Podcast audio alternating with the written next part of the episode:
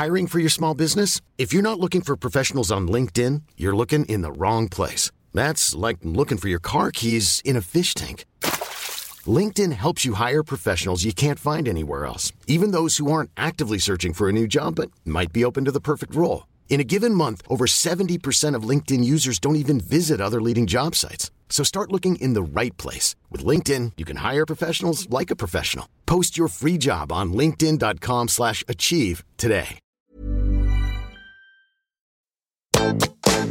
Hei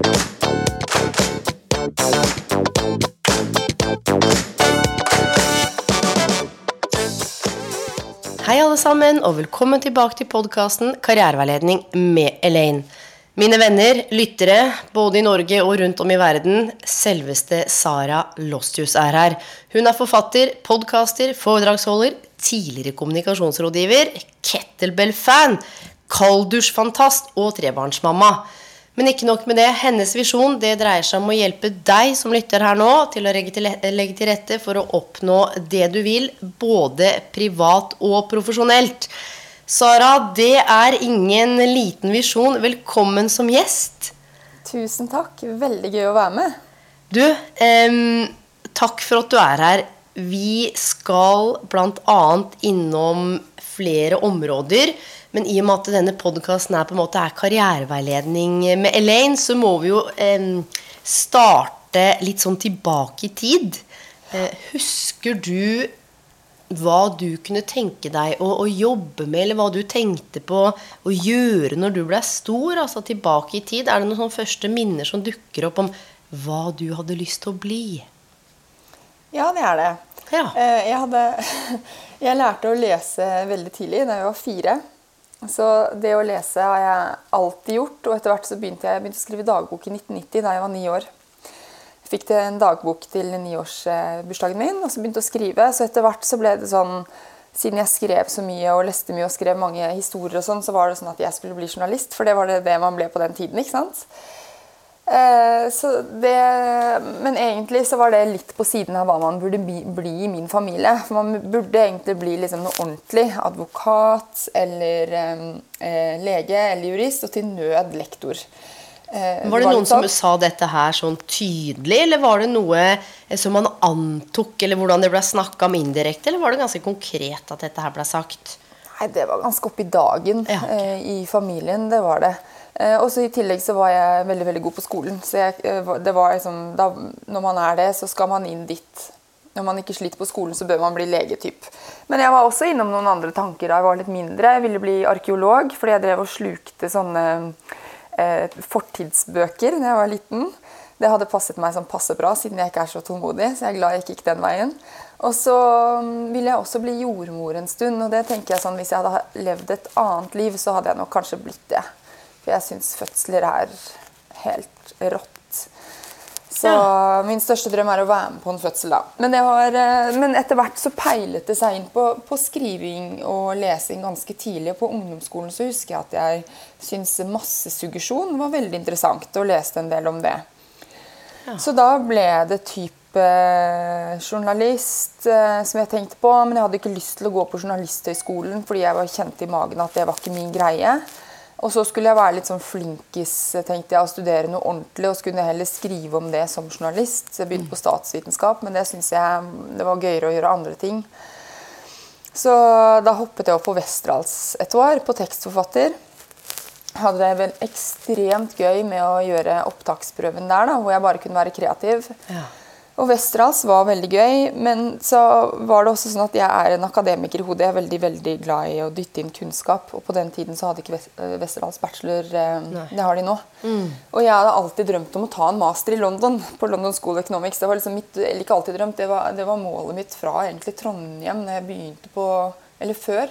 Jeg gikk engelskspråklig videregående, så jeg tror LSE, som er en av de beste universitetene i Europa og i verden, eh, det kom opp der da jeg gikk på engelskspråklig videregående. Så det var drømmen min. Så, så konklusjonen om jeg skal ha visst hva jeg har gjort eller ikke det, Jeg har liksom hatt alltid lyst til å skrive, vært glad i å prate med folk, vært glad i å formidle, vært innmari glad i å dytte kunnskap inn i hodet mitt. Um, og, ja, og da ble det til det jeg jobber med i dag. Mm. Og det skal vi komme tilbake til, fordi det er Du har jo flere karrierer og flere roller, um, og det er det som er så spennende også nå.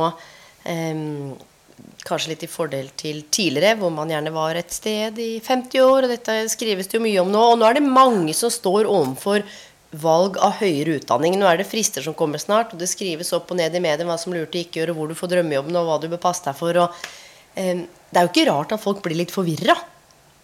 Nei, det er ikke det. Og så tenker man også når man er student at, at, det valget man tar, kanskje er veldig sånn determinerende. Og det er det kanskje til en viss grad hvis du velger lege eller noe sånt, men ikke nødvendigvis.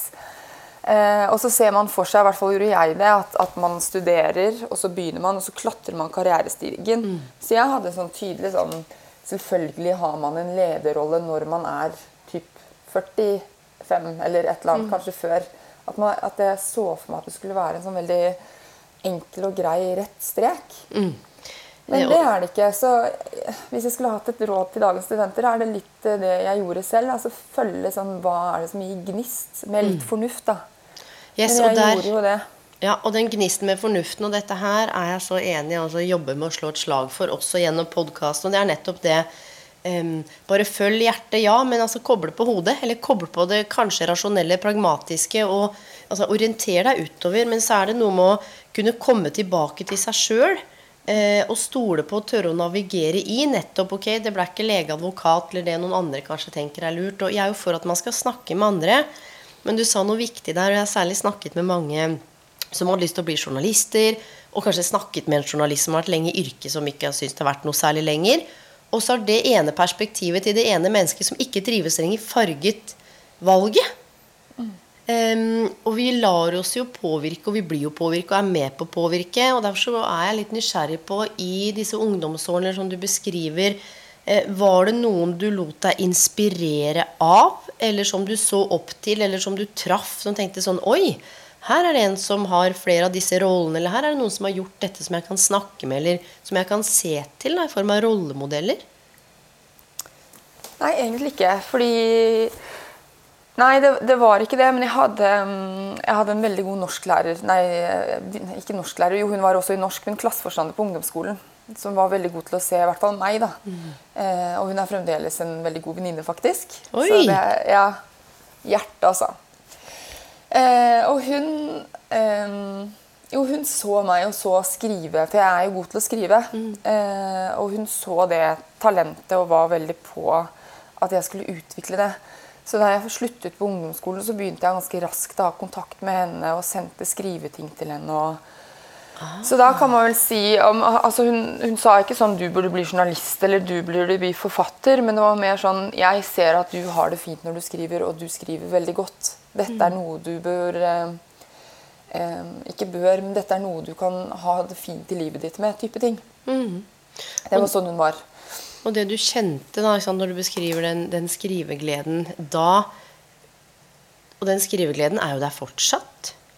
Ja, jeg skriver hver dag dagbok, eller snitt ja, det er, ikke, det er ikke så mye dagbok nå, fordi eh, fordi jeg har tre barn. så mm. Og så legger jeg og Jon samtidig, så da får jeg ikke skrevet. Men jeg, noen ganger så håper jeg at han skal barbere seg, eller noe sånt, sånn at jeg kan skrive litt dagbok på sengen. Mm. Så jeg skriver dagbok jevnlig. Jeg har um, to-tre pappesker med dagbøker. Sikkert 100. Har du, bladet har du bladd noe i dem, eller?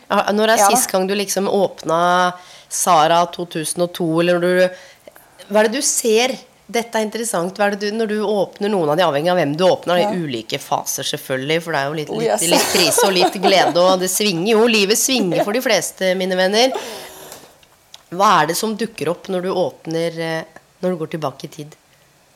Jeg, jeg ser litt at eh, kjernen er det samme. Mm. At, at, jeg eh, er er meg. da. Jeg ser tonen er litt lik, hvor, jeg, hvordan jeg skriver om ting. Så når jeg går tilbake, så er det alltid med en sånn gjenkjennelighet. Mm.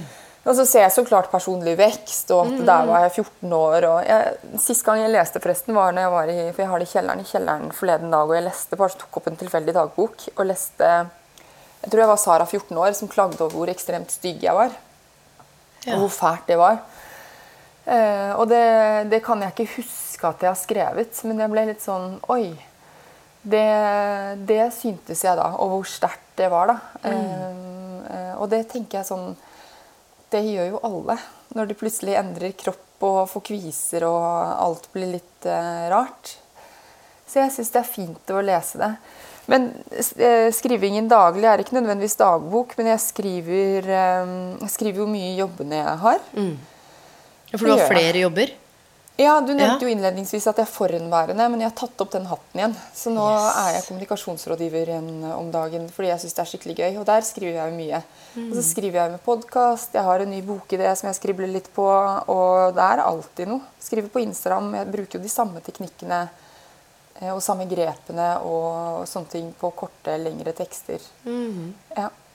Og hvis du ikke hadde skrevet eh, Hvis den på en måte blei parkert eller satt en parentes For det er jo noe med det skapende, det uttrykksfulle Hva er det du ville ha gjort isteden da? Er det noe som kan sammenlignes, sidestilles, eh, som gjør at du kan få utløp for det samme med noe annet? Mm, ja, trening. Ok. Ja, så det er vel derfor jeg Det er de to tingene som jeg liker mest, på en måte. Mm. For Ja. det jeg finner spennende, det er jo ikke sånn arkeolog, eh, jordmor, skriving, trening. Eh, hva er fellesnevnerne her?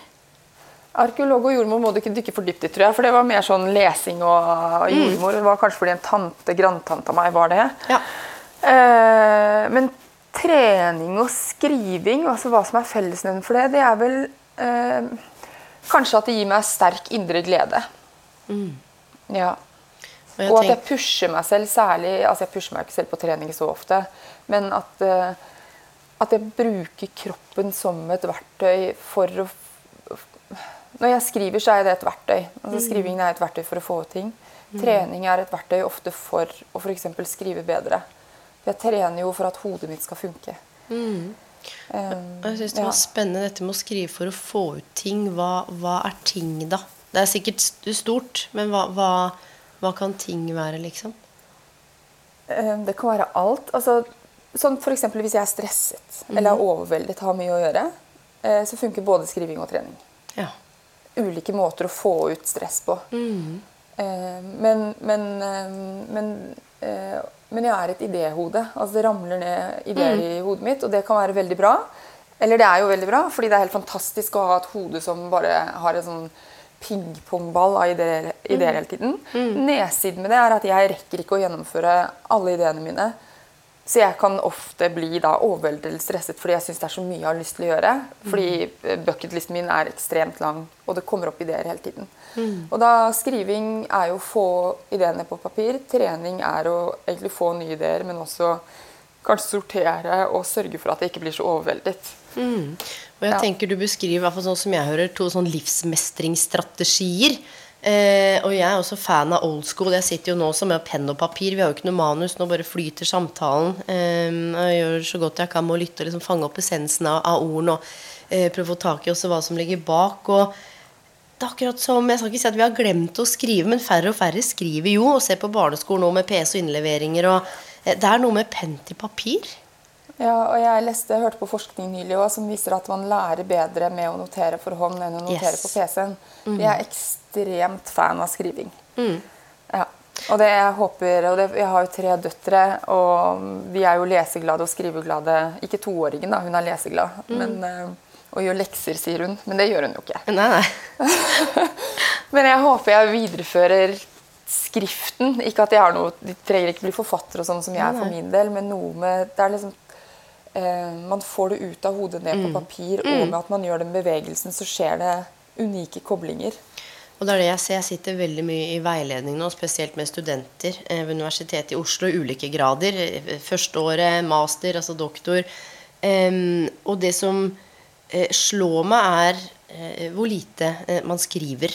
Eh, nå generaliserer men hvor lite, eh, hvor, hvordan man sitter alene uten å på en måte ikle tankene sine ord.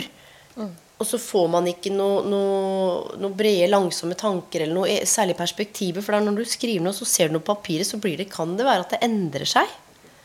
Eh, og i en forlengelse av det så har jeg lyst til å spørre deg om, for du har jo gjort mye forskjellig. hvis jeg har kommet til rollen og eh, Mye av det har vært i med. ikke sant? Du har, Ingefær, du har hatt podkasten din, det er flere bøker.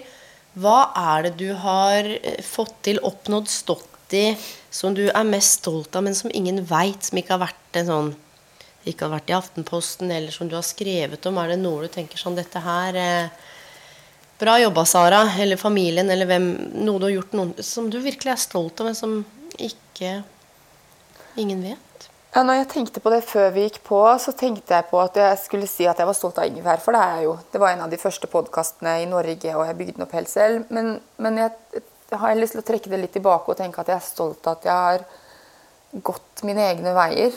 Uh, uten at folk har skjønt hva jeg drev med. Altså når jeg startet Ingvær, f.eks., så var folk bare Hva, er podkast? Uh, og når jeg ikke ble de tre-fire tingene jeg nevnte innledningsvis, Særlig da jeg begynte på Westerdals, så var det furore i familien over å begynne på reklameskole. Eh, det var noe grynt. Men du sto i det. Hvordan står du i det? Og dette kan virke litt sånn eh, Vi er jo like gamle nå. Eh, ikke sant? Og familierelasjon De fleste foreldre og familie ønsker jo en vel. Og jeg lagde en episode nå i jul om dette juleselskapet, hvordan alle skal mene og påpeke noe om hva folk driver med eller ikke driver med. Og den episoden den bare eksploderte. Det kom sånn 1000 henvendelser på bare 'Dette traff du på kornet'. Hvordan eh, Følte at du måtte forsvare det. altså Du valgte allikevel. Det er veldig mange som blir paralysert og fanga altså, i mm. denne familiedynamikken, hva alle andre tenker og mener, og hva slags bilde de har av hva som er lurt. Hvordan navigerte du i det eh, Hvordan navigerte du i det i gryntene, da?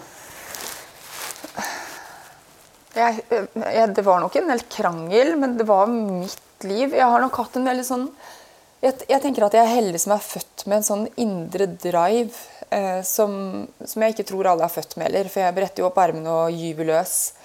Eh, og den var jo der når jeg dro på, dro på interrail alene som 18-åring og heller ikke fikk lov til det. Men jeg sto på krava, og til slutt så, så fikk, jeg, fikk, jeg, lov å bli fulgt i togstasjonen.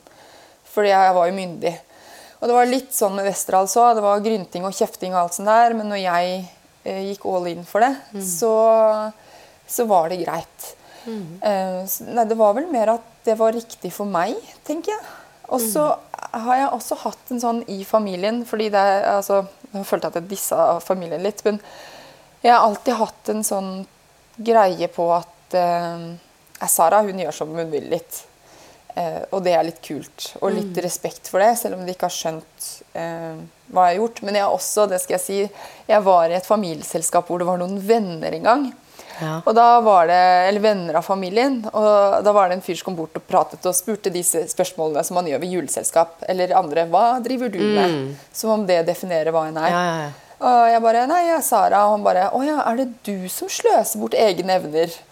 Så jeg bare Ja. Ja. Det er meg. Wow. Så jeg har fått noen sånne. og så er det noe med å stå i det, da. Ja, ja den, var, den, husker jeg at jeg ble litt sånn derre Den syntes ikke jeg var så veldig gøy. Men da hadde jeg også litt avstand fra det at man skal bli sånn og slik. Mm. Eh, fordi jeg var ikke sånn og slik. Men jeg kan godt tenke at jeg hadde trivdes godt som lege. Så det er ikke det. Men jeg er glad jeg har valgt eh, eh, valgt min egen vei. Da. Selv om mm. det kanskje har vært tøffere enn uh, mange vet. For ja. utad så virker jeg jo veldig tøff og at jeg fikser ting og sånn, men det har mm. vært veldig mange runder på bakrommet hvor det har vært beintøft. Ja, det er akkurat de rundene på, på bakrommet som eh, Og det gjelder jo ikke bare deg, ikke det gjelder jo meg. Mange av oss som kanskje er litt synlige med det. Altså, hva, hva er det eh, de som følger med, ser nå? Og så hva er det, hva er det da kosta å komme dit? Og det er det som er litt av poenget. At det er ikke bare yes, så var det et par bøker og ordna seg, og da lagde hun Poenget at det er, det er mange mange runder å gå. Og litt det du beskriver, og som liksom ikke disse familiene. Jeg tenker at det, det opplever i hvert fall ikke jeg at du gjør, for jeg tror det er så mange som kan kjenne seg igjen i dette. Og det jeg har skjønt, det er jo på en måte Faren min òg, han har vært opptatt av høyere utdanning, at du skulle tro at det var livet, lyset og veien for alle. Um, han var så redd for at det skulle skje noen ting, men at jeg ikke skulle klare meg hvis han skulle gå bort. At det bare fikk jeg utdanning. Han er 84 år. Hvis jeg bare klarte det, så da skulle alt ordne seg. Eh, og vi hadde en runde gang, eh, for jeg har jo tatt noen rare karrierevalg. Eh, så var det riktig for meg. Og jeg sa til nå Jeg trenger bare at du støtter meg nå. Nå må du lytte. Og hvis ikke altså, Du snakker ut ifra din egen frykt. Frykt for at jeg ikke Så dette handler jo ikke om meg. Og jeg tror det er litt det eh, kanskje mange unge også ofte glemmer at det er jo du, kjære lytter, som skal stå i denne karrieren. Det er du som skal ta alle disse eksamene. Så har jeg hatt så mange fine mennesker i karrieren som har dratt seg gjennom en bachelor og en master og bare lider.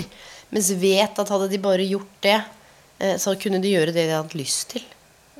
Men det er nok som du sier, sånn frykt. For jeg kjenner meg jo selv igjen i For nå er jo jeg mamma og har unge mennesker i mitt nettverk, og jeg går jo rett i samme fella. ikke sant? Mm. Blir bekymret ja, hvis man får ja. dårlige karakterer eller gjør noe greier. bare, mm. Hvordan skal det gå? Og det er jo ut fra, eh, ut fra kjærlighet og, mm. og frykt. Mm. Og det er jo akkurat ja. det. Eh, og derfor så er det jo veldig sjeldent eh, tenker når noen kommer med noe Hvis ikke det er ordentlig gjennomtenkt og litt sånn nøytralt og reflektert, så handler det veldig sjelden om det andre mennesket som står i valget, men mer om den som tar imot og skal liksom takle og romme dette her. Mm. Um, og det der å kunne si at det har vært mange runder på bakrommet, at man har stått i ulike Jeg tror det er godt for folk å høre, for det er noe med at um, vi har jobba hardt. Mange har jobba hardt, og det er det å, å, skrive, selv om det kommer lett for deg i hermetegn, det er noe du liker, så er det jo fortsatt prosesser. Og det, det er jo ikke noe som bare skjer fra en dag til en annen. Dette er ting som skal jobbes med på lik linje med det meste. Og når du beskriver det at du har liksom turt å gå din egen vei, eller har motet til å gå din egen vei, så skal jeg spørre deg om noen ting. Fordi, det er ikke sikkert at du kan eh, La du tenke at det, det hørtes lurt ut. Eh, men det jeg har sett, og dette er sagt i flere podkaster og i karriereveiledning, den evnen til å stole på seg sjøl. Akkurat som den eh, ikke har blitt borte, men det er så mye meninger om så veldig mye. Eh, med sant, sosiale medier og sånn det evnen til å stole på seg sjøl og så vite at man er av verdi. Uavhengig om du går legestudie eller yrkesfag. eller hvordan kan, vi, hvordan kan man ta tilbake den troa på at man er viktig, uavhengig av eh, grad eller lønn eller Ja. Det er vel Jeg opplever det kanskje at du er at til og med jeg syns det er vanskelig å lytte innover. Altså sånn, mm. For de aller sterkeste avgjørelsene jeg har tatt, har jeg jo kjent i kroppen. Så det er jo en kropp kroppslig mm. fysisk følelse når jeg tenkte sånn Nå er jeg ferdig med ingefær. Mm. Det var akkurat som når jeg traff mannen min for første gang. Jeg syntes han var smellvakker, det var ikke det, men det var en sånn fysisk følelse at der kunne jeg tenkt meg å produsere barn. Mm.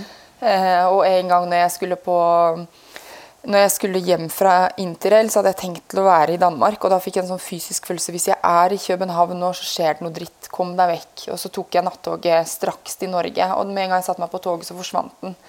Så det med å stole eller kjenne innover. Men når vi er så utrolig overveldet av inntrykk som vi er i dagens samfunn, så, så er det jo nesten eh, Selv barna mine Det er liksom full pupp fra halv ni til halv fire på SFO, og så er det aktiviteter. Det er så lite tid til å lære sånn Liker jeg det? Liker jeg det? Trenger jeg egentlig å være er jeg, Liker jeg å være med folk, eller trenger jeg å være litt alene? Altså jeg har jobba masse med det det siste halvannet år med psykologen min. Sånn, kan jeg føle Jeg vet at liksom man skal anerkjenne følelsene, men har jeg rett til å føle meg lei meg? Er det greit? Så, og det tenker jeg det, det er jo ikke bare meg som har den mm, mm, mm, Nei. Så, og da er det Er dette bra nok? Er det bra nok å gjøre sånn? Er det bra nok å gjøre sånn? Jeg tenker at man, man lærer jo veldig få steder, i hvert fall ikke på skolen, å liksom lytte innover. For man skal jo bare smæles gjennom et utdanningsløp. Mm, Helst uten der... pauser. Fordi vi, det, er, det, er, så mye forventninger og Akkurat som livet ikke gir noen smell noen ganger, hvor man kanskje må ta en pause eller ikke jobbe eller må ta et nytt karrierevalg eller ikke klarer å jobbe på ett eller to mm. år eller kanskje mer. Jeg tenker at uh, og akkurat du sier noe med dette med å være lei seg, noe som jeg Jeg skal ikke si at det glipper i karriereveiledning, eh, for jeg kan ikke snakke for hele fagfeltet, men jeg har jobbet med dette her i ti år, og med ulike mennesker, ulike nasjonaliteter, både i Norge og utlandet, og det jeg ser, er sorg. Det snakkes ikke så mye om. Eh, det å miste jobben sin eh, er klassifisert som en traume. Det å miste noen, og hvordan det kan hvordan Alt henger sammen med alt. da, Også hvordan karriere ikke kan ses på som isolert fra resten av livet. Eh, men ikke sant, er det lineær utdanning, og så skal du til jobb. Og det er den derre Hva skal du bli? Og barna dine og etter hvert. ikke sant, Så det er det utdanningsvalg, og da skal man forske, og så sant? Men det er noe med hva, hva er det du skal bli? Eh, altså tenker jeg sånn Men vi skal jo ikke bli noen ting. Vi er jo allerede så mye. Ja. Eh, og, og, sønnen min, han, han, er alt. Han skal være han er Aiden på tre år. Eh, så jeg kommer til å være nysgjerrig på hva, hva liker du å holde på med? Eh, hva syns du er gøy? Ikke sant? Nå skal ikke han ha noen karriereveiledning ennå, men, men derre som du sier, man, har barn det, er noe med den egenfrykten, og så kommer det til å gå bra med han. Kommer han til å velge trygt? Og samtidig så lander jeg liksom litt på det at Og jeg har sett det sjøl og kjent det sjøl. Herregud, Søren Kirkegård sier jo det. Livet må leves forlengs og forstås baklengs. Jeg har ikke Ja, skjønt halvparten av livet mitt bestandig. Jeg, sa det noen ganger så har jeg vært helt lost, og så har jeg vært woohoo! Og så har jeg sagt opp en lederstilling og så tatt et steg ut til venstre. Og når jeg har turt å ta de vanskelig tøffe valgene som jeg kjenner er riktig, så har livet mitt bare endra seg diametralt. Da bare boff, kom det plutselig noe som var Oi, det der. Det likte jeg. For jeg tror hvis man går og har det lite godt der man er, så gjør det noe med energien din, hvordan du er i møte med andre, hva du snakker om, hva som er fokuset ditt.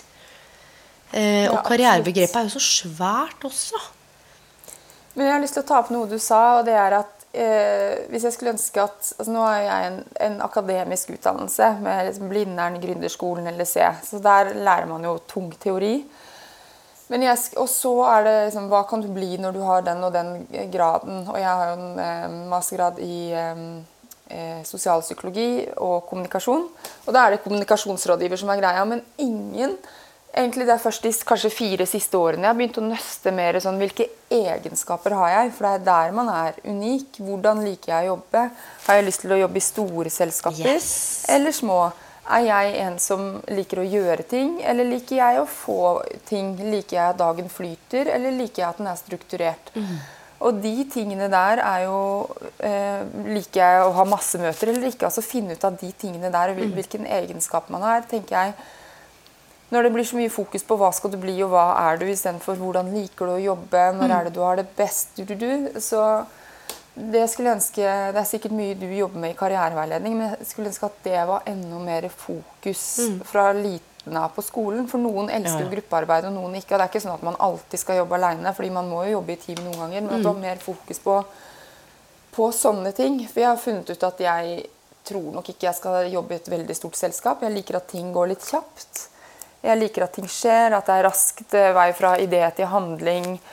Eh, stor grad av autonomi er viktig for meg. Jeg er ikke så innmari glad i å få masse oppgaver prakka på, fordi da føler jeg meg kvalt. Altså, det er sånne ting som jeg først har liksom skjønt i det siste. Og at når jeg, hvis jeg skulle gått inn et sted i en jobb, så hadde det vært vel så viktig som selve jobben. Hvordan kan jeg utføre jobben? Yes, og tenk deg å sitte i et jobbintervju, for dette lagde jeg noe greier på i fjor. Eh, typisk da, så sitter du hos et jobbintervju, så sier de sånn Ja, har du noen spørsmål til oss som arbeidsgiver? Eh, de fleste sier sånn Nei. Eller så spør man om har, gått, eh, er, har dere godt arbeidsmiljø.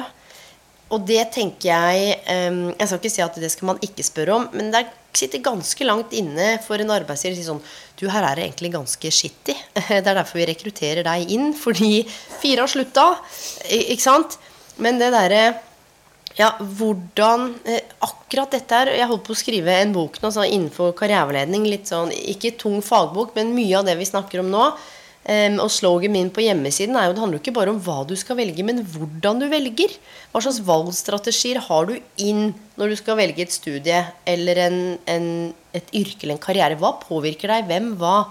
Og akkurat det du beskriver nå, for jeg sier til folk ja, hva, hva ser du for deg å bruke utdanningen din til? Nei, det Hva slags rolle ser du for deg å ha? Hmm. Arbeidsoppgaver? Nja Ikke sant? For hvis du liker det, så kan du også flette på egenskapene. Og nettopp det, hvilke ferdigheter og egenskaper Det er på en måte veien inn til selvinnsikt og en større forståelse. Så når du beskriver det her For, for meg, da, ikke sant, så ser deg utenfra, så tenker jeg du har jo hatt koll på egenskapene dine de siste 20 åra. Podkast og dette her bare sitter i fingerspissene. Hva er det som gjorde at du kjente at dette er noe du har lyst til å begynne å, å se på, utforske, bli bedre kjent med? da? Du, jeg jobbet jo faktisk sånn apropos eh, rundting som han har gjort, Ja. men eh, et par måneder som karriereveileder selv. eh, før jeg begynte i eh, Ikea, faktisk, eh, som konsulent. da. Så da, da nøsta vi jo litt i det, for jeg fikk et krasjkurs i hvordan gjøre dette her. Og så var det bare å late som. Altså Mottoet mitt eh, den første uken var 'fake till you make it'. Ja, ja. Eh, fordi det var folk som hadde mista jobben sin ganske dramatisk. Det var Første dagen så satt han og gråt på kontoret mitt, og jeg bare Huh. Det her må jeg rette opp ryggen og ta det profesjonelt. Det var veldig interessant. Men så har jeg en, en god venninne som er coach, og vi møtes jevnlig. Og, og, særlig når jeg begynte å snuse på skal jeg fortsette med ingefær, har jeg lyst til å få fast jobb, og sånne ting, så var det å jobbe med det veldig viktig. For hva, hvor har jeg det best? Hva vil jeg? Jeg er veldig opptatt for eksempel, at jobben min skal være meningsfull. Det er mange steder jeg ikke har lyst til å bruke min kunnskap og kompetanse inn. Ja. Så det er vel da jeg har begynt å nøste i det. Og så tror jeg også Jeg antar at liksom covid har gjort at veldig mange har grubla. Og jeg brukte hele høsten i fjor nå eh, på å være ekstremt grublete. For jeg begynte å søke litt jobber og, og, var på jobbintervjuer og kom langt på en jeg hadde lyst på, men så fikk jeg den ikke. Jeg ble slått av en ringrev. og var litt sånn skal jeg det, eller skal jeg ikke? Og, og det er jo ekstremt selvransakelse å mm. drive med jobbintervjuer og, og sånne ting. Oh, yes. Og finne ut om jeg vil et sted eller ikke, eller mm. eh, Og jeg, jeg syns at eh, Altså Man sier jo at liksom all vekst er litt vondt, og jeg, jeg syns jo det har på en måte vært vondt eh, at det var en litt vond høst, men det var som på en veldig sånn god måte. Akkurat som når du får massasje og det gjør vondt, så skjønner mm. du at dette er bra for kroppen. Mm. Men det er ikke bra for kroppen når du får en stein på tåa. Mm, det gjør mm, vondt og er mm. dumt. Mm. Så det er en annen type vondthet. Så det, det var den høsten. Um, og de, eh, covid, da. Uh, og jeg tenker at, at uh, å våge å gå de rundene med seg selv er nyttige jevnlig. Man trenger ikke ta selvransakelse hvert femte år, men i perioder. Og så tror jeg også det er ulike livssituasjoner når man tar den. Altså Veldig mange slutter, nei, skifter i barselpermisjon, eller hvis det blir slutt med kjæresten, eller hvis man flytter eller et eller annet, så blir det liksom litt sånn dulting. Og så bare Å ja, kanskje jeg skal gjøre noe annet. Og det er egentlig ypperlige eh, eh, måter eller ypperlige anledninger til å gå litt inn og reflektere litt. Mm.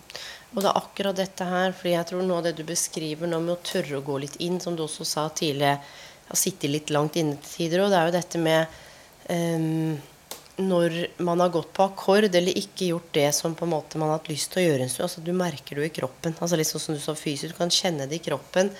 Og det er noe med det som jeg liksom, spesielt de siste årene, jo eldre jeg blir, jo mer jeg har tenkt eh, og kjent etter og jobba med meg sjøl også for å kunne utvikle praksisen, ikke minst. Um, den der personlige ærligheten som svir litt. Og det hva det koster å ikke holde avtale med seg sjøl. Men man holder avtale med sant, arbeidsgiveren og sånn og skal fikse det og stå på pinne, og så bryter man kanskje noen av de viktigste avtalene eh, med seg selv. da, eh, Som er litt sånn Segway etter hvert, og så over til boka di nå, den God morgen. for hva man kan gjøre for seg selv. Og ofte så ja, men 'Jeg skal begynne å trene, jeg skal drikke te, jeg skal gjøre det, jeg skal lese dem.' Og så gjør man det ikke. Og når du har eh, skuffa deg selv nok ganger, så er det ikke sånn som ja, Det er jo ikke noe verdi. Du klarer jo ikke eh, stille opp for deg sjøl. Og, og Nei, der ligger det noe seg selv litt. Ja. Og hva, hva Og det er liksom spørsmålet mitt til deg, uten at vi skal løse noen verdensproblemer, men det der med å gå på akkord, eller når man ikke tar seg selv på alvor, hva, hva er det som gjør at det eh, er så vanlig? Vi kjenner det i kroppen, i psyken, i de rundt hva, hva er det det dreier seg om?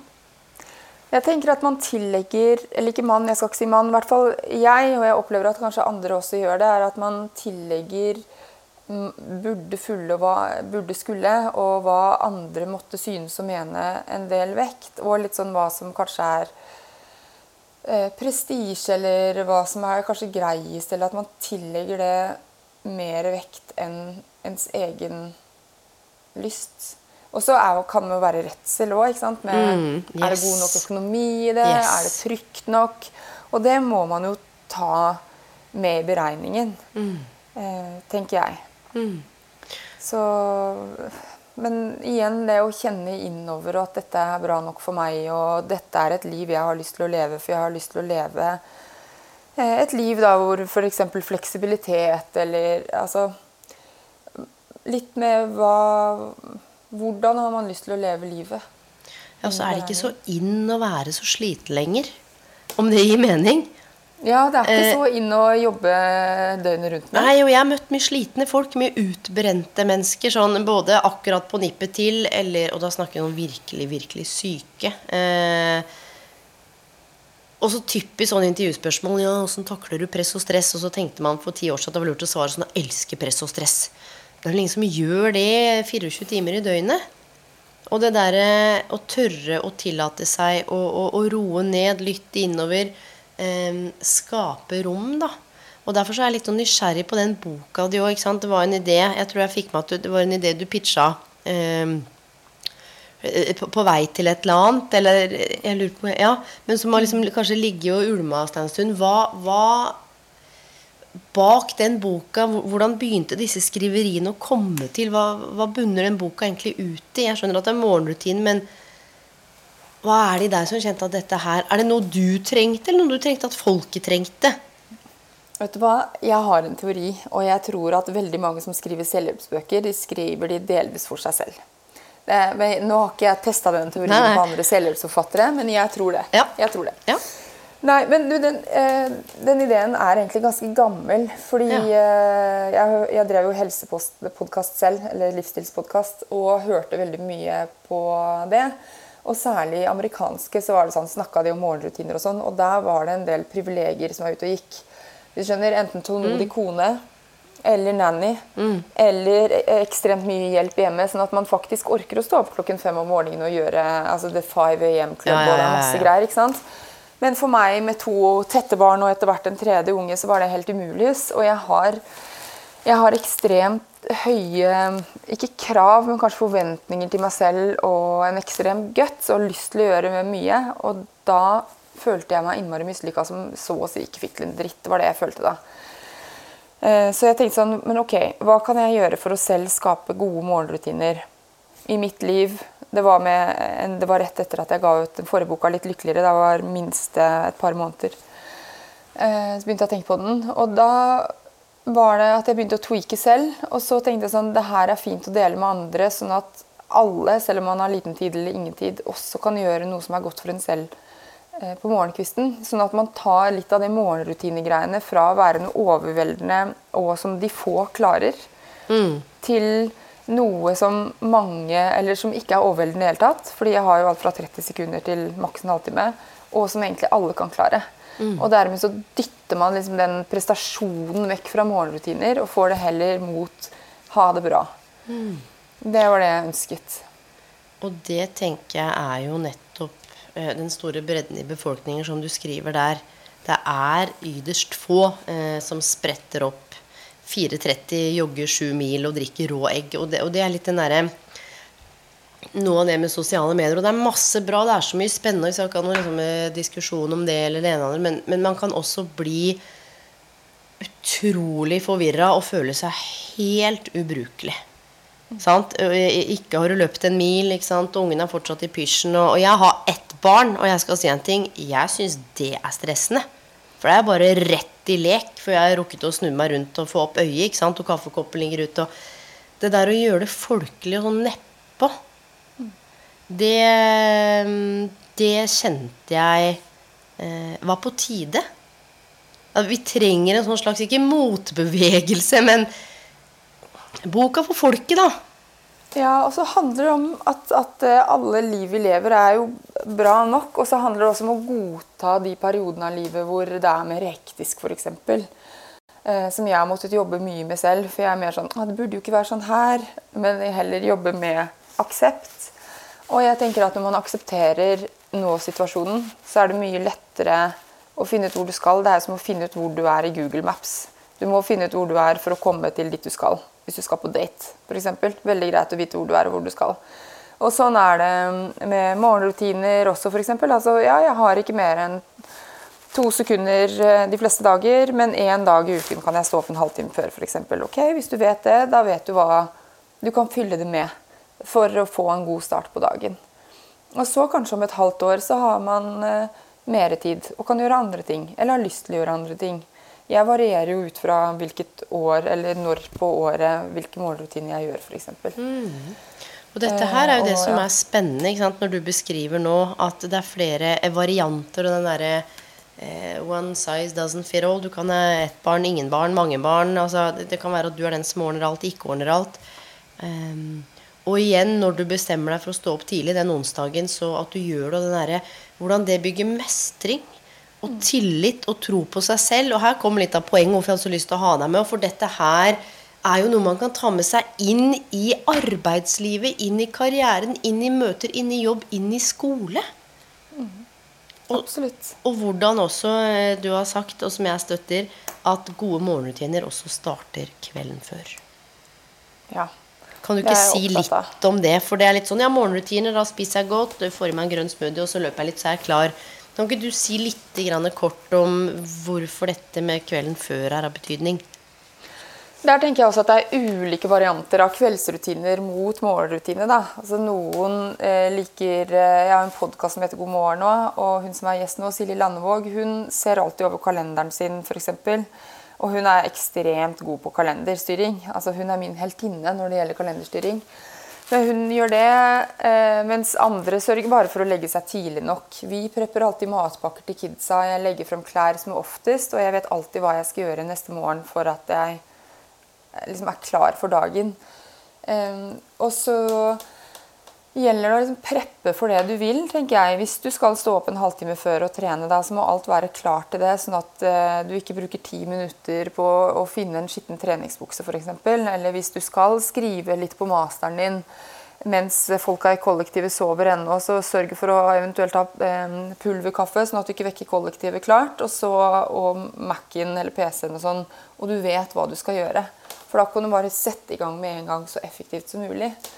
Så det er vel litt det jeg tenker på det. Og for min egen del så er jeg dessverre jeg lider av lakenskrekk, så jeg er innmari dårlig på å legge meg.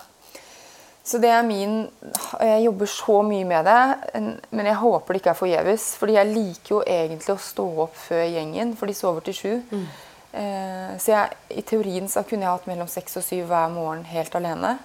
Men så syns jeg den tiden at etter at barna har sovnet Og det er jo drifting av, av huset òg.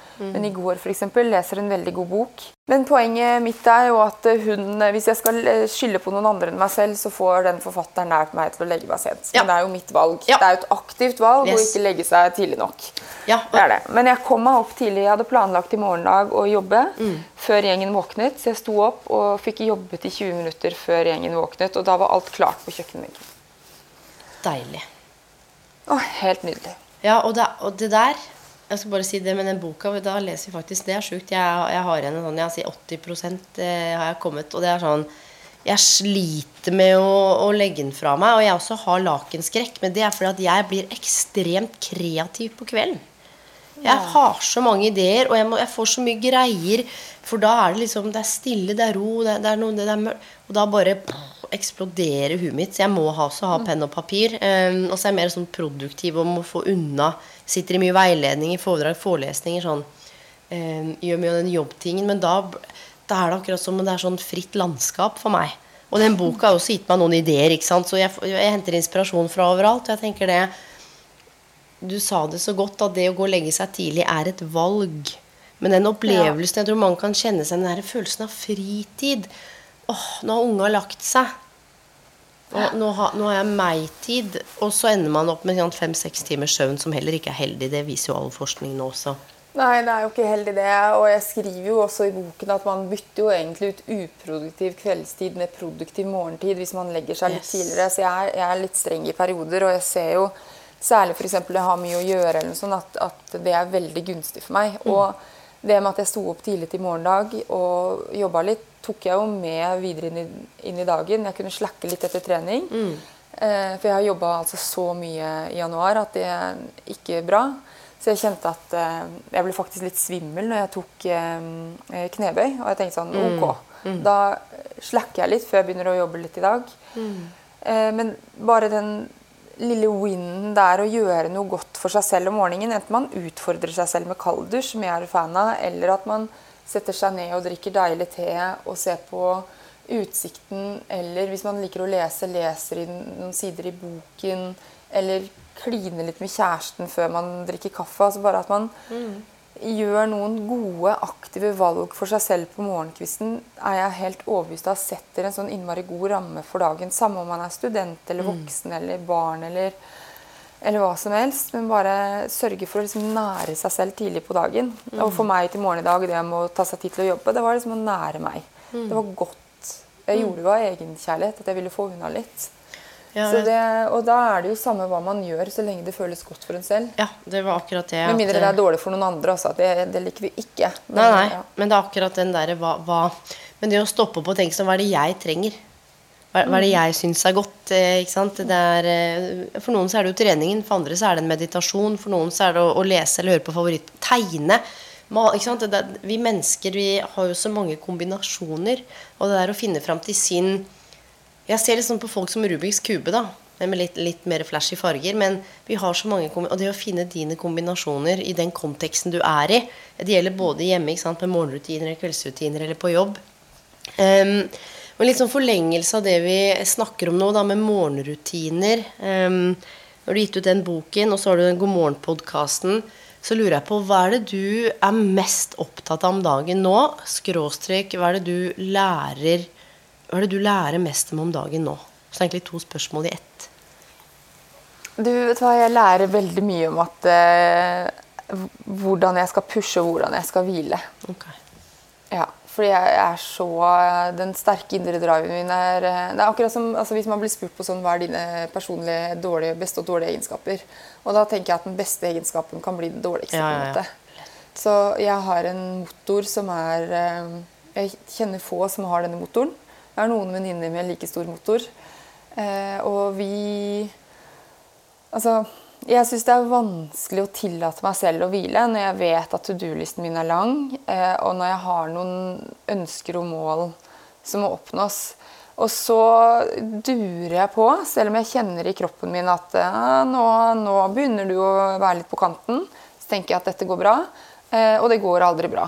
Da blir jeg kjempesliten, og i verste fall så blir jeg syk. Fordi immunforsvaret blir kjørt i grøfta ikke sant, av å gunne på for mye. Så nå om dagen så øver jeg meg på å finne balansen. Sånn som i dag hvor jeg tok en litt rolig morgen etter treningen. Det var ekstremt utenfor min komfortsone. Fordi jeg er mye bedre til å bare sette opp meg ned og brette opp armene. Så det snakker jeg mye om eh, med psykologen min, faktisk. Og så har jeg en annen coach jeg jobber med, som jeg snakker med om. Og så snakker vi om det her på, på hjemmebane også. Og da, da hjelper det for meg å ha en bok, fordi jeg blir så innmari trukket mot den boken, og det får meg til å roe meg, da. Mm. Så det er vel kanskje det. Også, og, og også finne Nå er vi 100% eller jeg jobber mer enn 100 egentlig. Mannen min er i ny jobb, tre barn. Vi, vi svømmer litt i hvordan vi skal finne ut hvordan dette skal gå, med rutiner. Så det baler vi også på. Hva må outsources? Hva må vi fyre på kravene på? Hvor høyt kan prestasjonsnivået til begge være samtidig? Eh, Det er interessant. Så jeg prøver å se på det som prøving og feiling istedenfor at jeg mislykkes.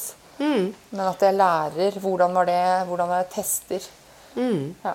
Og så tenker jeg det er interessant, og nå som vi er foreldre, dette med hva er det barna modellerer eller fanger opp, som på en måte ikke bare er eh, språk, ikke sant? At nå snakker jeg med samboeren, men hva er det de eh, Altså, det har jeg tenkt ofte på med Aiden. Han eh, Life's little teacher, for å si det sånn. Altså, jeg har med meg noen mønstre både fra begge foreldrene mine, eh, hvor jeg noen ganger har møtt meg selv altså, igjen og tenkt sånn å ja, ok, jeg føler meg avvist, jeg. Eh, av en toåring, og nå har jeg lyst til å bli snurt og barns... Altså, ok, hva er det? Det der å stoppe opp og tenke at eh, ting jeg opplever i møte med han, handler sjelden om han, men det handler jo om meg eh, og mine eh, Ja. greier. Eh, men også hva han eh, Hva er det han får med seg mellom linjene? Eh, Hva er det han kjenner på i, i energi, sant, stemning? Hva eh, Dialog, kommunikasjon, hva er det jeg prioriterer nå? Jeg, også, jeg skal ikke si at vi er like, for vi kjenner jo ikke hverandre. Dette er første gang vi møtes sånn her. Eh, men jeg kan relatere til noe av det du beskriver med motor og liker å skape og uredd og eh, ganske heftig eh, batteri. Og så har jeg lagt bort frykten for å skuffe andre, og så har jeg blitt sjukt bra på å sette grenser. Og så er det fortsatt noen ting eh, som jeg også eh, jobber med, men jeg bare lurer på når man er i ferd med å finne den balansen, altså hvordan det indirekte også har en påvirkning på hele familiedynamikken og på barna. For jeg kan merke det på Aiden, hvordan jeg prioriterer, hvordan jeg behandler meg sjøl, hvordan jeg Og hva som eh, Om han blir høy eller ikke, om det gir mening. Hvem Ja, ja. han føler at han må være i våre liv for å, å ubevisst regulere. Og jeg er jo ganske bevisst og har jobba med veiledning i, i, i ti år, så det blir jo eh, Jeg sier ikke at jeg kan alt, og jeg har masse å lære, men jeg er sånn over snittet selvbevisst på hvem jeg blir i møte med han. Og jeg kan merke hvis mitt stressnivå er høyt, så ser jeg ser det på han. Det merker jeg òg. Og det, Det er litt det er vondt. de gangene at, ja, det er vondt. Det er jeg må men- ja, det er det. Og når jeg blir eh, for Når jeg jobba for mye eller for stressa, så har jeg ekstremt lav toleranse eller tålmodighet på hjemmebane. Og jeg vil jo ikke det. Nei. Så de er jo en god indikator på når jeg er i ferd med å eh, bikke. Og jeg ser også at de ja, at de speiler, da. Og jeg sier til Jon fordi de speiler ikke mannen min i så stor grad. Dessverre. Men de speiler mye mer. Altså Hvis jeg har det heftig inni meg eller går rundt og mugger og sånn, så er det så trykker de på alle knapper. Ja, ja, ja. Yes. Eller jeg opplever i hvert fall at de gjør det, da. Det er ikke sikkert de gjør det. Så det er eh, og, så, og jeg er jo En av grunnene til at jeg startet for meg selv og sluttet i Ikea, men startet med pod, da, det var jo fordi jeg hadde to barn på under to år. fikk de, Og så var jeg jo kommunikasjonsrådgiver i Ikea hvor jeg måtte pendlet og var pressetalskvinne 24-7 en uke i måneden. Så det ville blitt sånn at jeg så de enten på morgenen eller på kvelden og var veldig busy den uken. Eller potensielt kunne være, da. Man var jo ikke alltid, men noen ganger så, så var telefonen klokken 11 på kvelden. Typ, og måtte Det må du jo når man er presseperson eller talsperson. Og det kjente jeg sånn at øh, For jeg hadde så innmari lyst på barn med Jon, som jeg sa, sa før. Så jeg ville ha den fleksibiliteten for å være sammen med barna mine. Men når man jobber alene, og sånn, så kan man jo egentlig jobbe hele tiden. Og man har mye større ansvar enn når man er ansatt. Ja. På godt og på vondt, tenker jeg. Så jentene mine er nok med på å regulere, regulere meg. Fordi, Men jeg tror hvis de skulle plukket opp noe fra meg, så er det jo å bli små maskiner. Og det håper jeg jo ikke. Nei, Jeg pusher de jo, og jeg, jeg pusher de nok litt, altså. Ja, Men- og jeg vet ikke om det er bra eller dårlig, men eh, det er fordi jeg har greid å bli pusha, liksom, og pushe meg selv sånn, så tenker jeg at alle rundt kan bli det. Og så er det ikke sikkert alle kan det. Nei, og det er jo så fascinerende da, med dette å stille høye krav til seg selv og ha dette batteriet. Hvordan, eh, hvilke krav er det man stiller til andre? Eh, hvordan er det andre Nå snakker jeg ikke om, det er, om deg, men sånn generelt. Hvordan andre kanskje opplever å aldri nå opp til eller ha det samme. Ikke sant? Så her er det Dette er egentlig syv episoder i én episode. For det, det, er- her er det mange veier. Men det er så fascinerende at så mye kompleksitet, altså det å være menneske på flere arenaer, um, allikevel at vi kan trekke det tilbake til for Vi er jo sånn avslutningsvis eh, på vei mot å avslutte. Kan på en måte gjorde dette i morgenrutinene og kveldsrutinene, som er litt av poenget mitt. Eh, Hvor du faktisk både kan reflektere over Jeg skal ikke si at du som lytter skal reflektere, men det kan være interessant å se på barna sine. At det, det er mange små ankre, det er mange små sånne telltale signs. Det er å stoppe opp og se dem, og det å kunne eh, verdsette seg selv. Da, og jeg tror vise seg selv at man er viktig for seg sjøl. Nettopp gjennom disse kvelds- da, og morgenrutinene. eh, som gjør at jeg ville ha deg på podkasten, eh, og at jeg ville gi lytterne, eh, og for min egen del, å bli kjent med eh, ulike tilnærminger til deg som menneske og tankene dine, og hvor du på en måte kom fra. Eh, for det er liksom ikke bare en bok om morgenrutiner. For meg så er det en bok om det å være menneske, da. Hun jeg snakket om, altså min gamle lærer, jeg sender jo henne alle bøkene mine. Ja. Så klart. Eh, og når jeg snakket med henne her om dagen, så mente hun at god morgen At hun også ser utviklingen av meg som person gjennom bøkene. Det syns jeg var interessant. At, det- at den her var den mest varme. Og det kommer jo av, på en måte av, av indre arbeid òg. Så får man jo det ut på ting. Men det, det jeg tenkte på når du snakket om morgenrutiner og kveldsrutiner nå, så jeg opplever at jeg i større grad fikser f.eks. stor arbeidsmengde eller uh, sinna barn eller noe på hjemmebane når jeg har aktivt ta tak i dagen min i hodet på morgenen. For det trenger jo ikke skje Man trenger ikke sette seg ned for en buddha-statue i sofaen. Jeg sjekker inn med meg selv og hvordan har jeg det i dag, hva vil jeg med dagen, mens jeg ligger og slumrer, eller når jeg tisser på do med én til tre barn rundt meg. Så det er noe med å bare ta sånn Være liksom ta, være aktiv, bevisst i hodet sitt. Det tror jeg er det viktigste. Og det har igjen masse å si for om man skal studere eller jobbe, eller når man er i foreldrerollen. At man bare har tatt det, det lille bevisste grepet, sånn at man aktivt eier dagen, istedenfor at dagen bare moser på deg, og du henger så vidt med, og så kommer kvelden, så veit du nesten ikke hva du har gjort. Så det er det, det tenker jeg at du får deg til å være i forkant og til å oppleve større sjefsrolle i eget liv. Og eh, altså Nå lever jeg med Jon og har tenkt å gjøre det lenge og ha tre barn hjemme, men på et eller annet tidspunkt så kan jo alle være vekk. Altså Jeg er den eneste jeg skal leve med resten av livet. Så det å være i førersetet er skikkelig viktig for meg. Det er sikkert derfor jeg har turt å ta disse litt ulike valgene jeg har tatt også, fordi eh, det er bare meg som lever livet mitt. Mm. Mm. Og jeg tenker det er uh, veldig kloke sånn ord uh, avslutningsvis.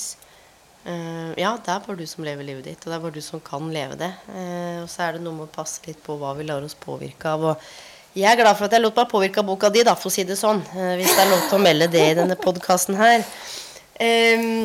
Du, For de som lytter, hvor kan vi finne ut av mer om deg? Kjøpe boka? Kan ikke du drop some eh, eh Snakker vi saralossus.no? Hvor kan vi få vite mer, få tak i mer? Kan ikke du fortelle lytterne om det? Saralossus.no. Den er under endring, skal endres helt. Ah. Så det har jeg outsourca til en som kan sånt. Det er bra. Fornuftig. Og så er jeg som høvelig aktiv på Instagram, også under Sara Lossus.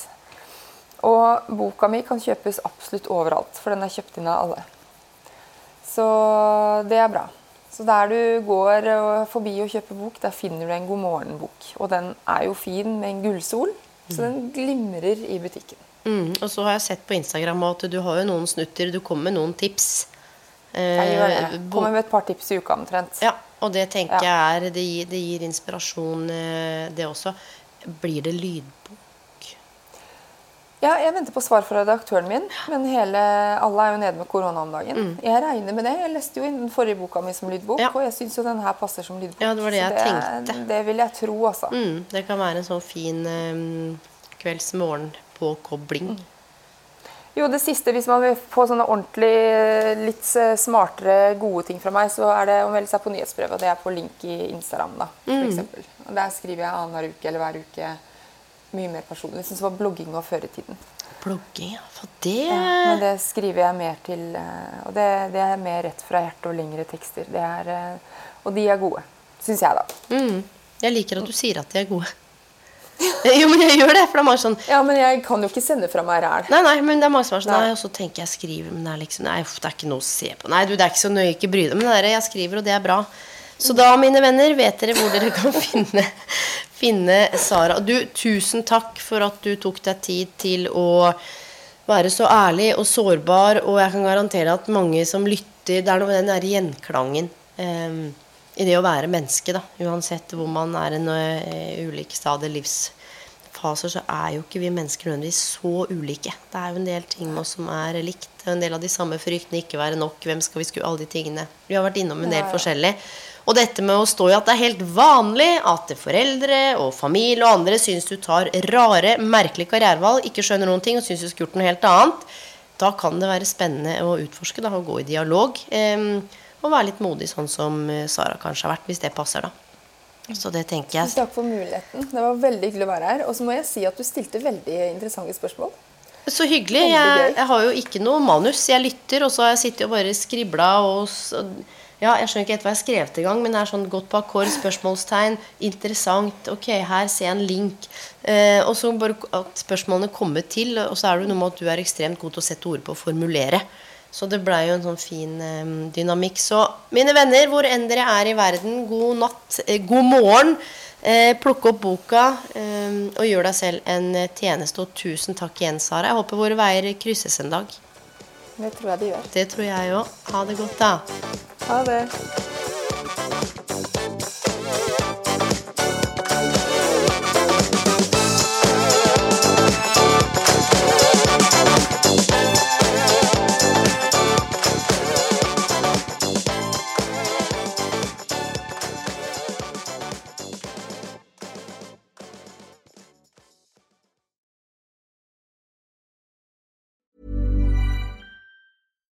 My business used to be weighed down by the complexities of in person payments. Then, Tap to Pay on iPhone and Stripe came along and changed everything. With Tap to Pay on iPhone and Stripe, I streamline my payment process effortlessly. Now I can accept in person, contactless payments right from my iPhone. No extra hardware required. What's truly remarkable is how I can cater to all of my customers' payment preferences. Whether they're using cards, Apple Pay, or other digital wallets, Tap to Pay on iPhone and Stripe ensure a smooth checkout experience every time. And it's not just me. Stripe helps businesses of all sizes, from local markets to global retailers, scale quickly and stay agile. To learn how Tap to Pay on iPhone and Stripe can help grow your revenue and reach, visit stripe.com slash tap iPhone. Ever catch yourself eating the same flavorless dinner three days in a row? Dreaming of something better? Well, HelloFresh is your guilt-free dream come true, baby. It's me, Kiki Palmer. Let's wake up those taste buds with hot, juicy pecan-crusted chicken or garlic butter shrimp scampi. Mm. Hello Fresh. Stop dreaming of all the delicious possibilities and dig in at HelloFresh.com. Let's get this dinner party started.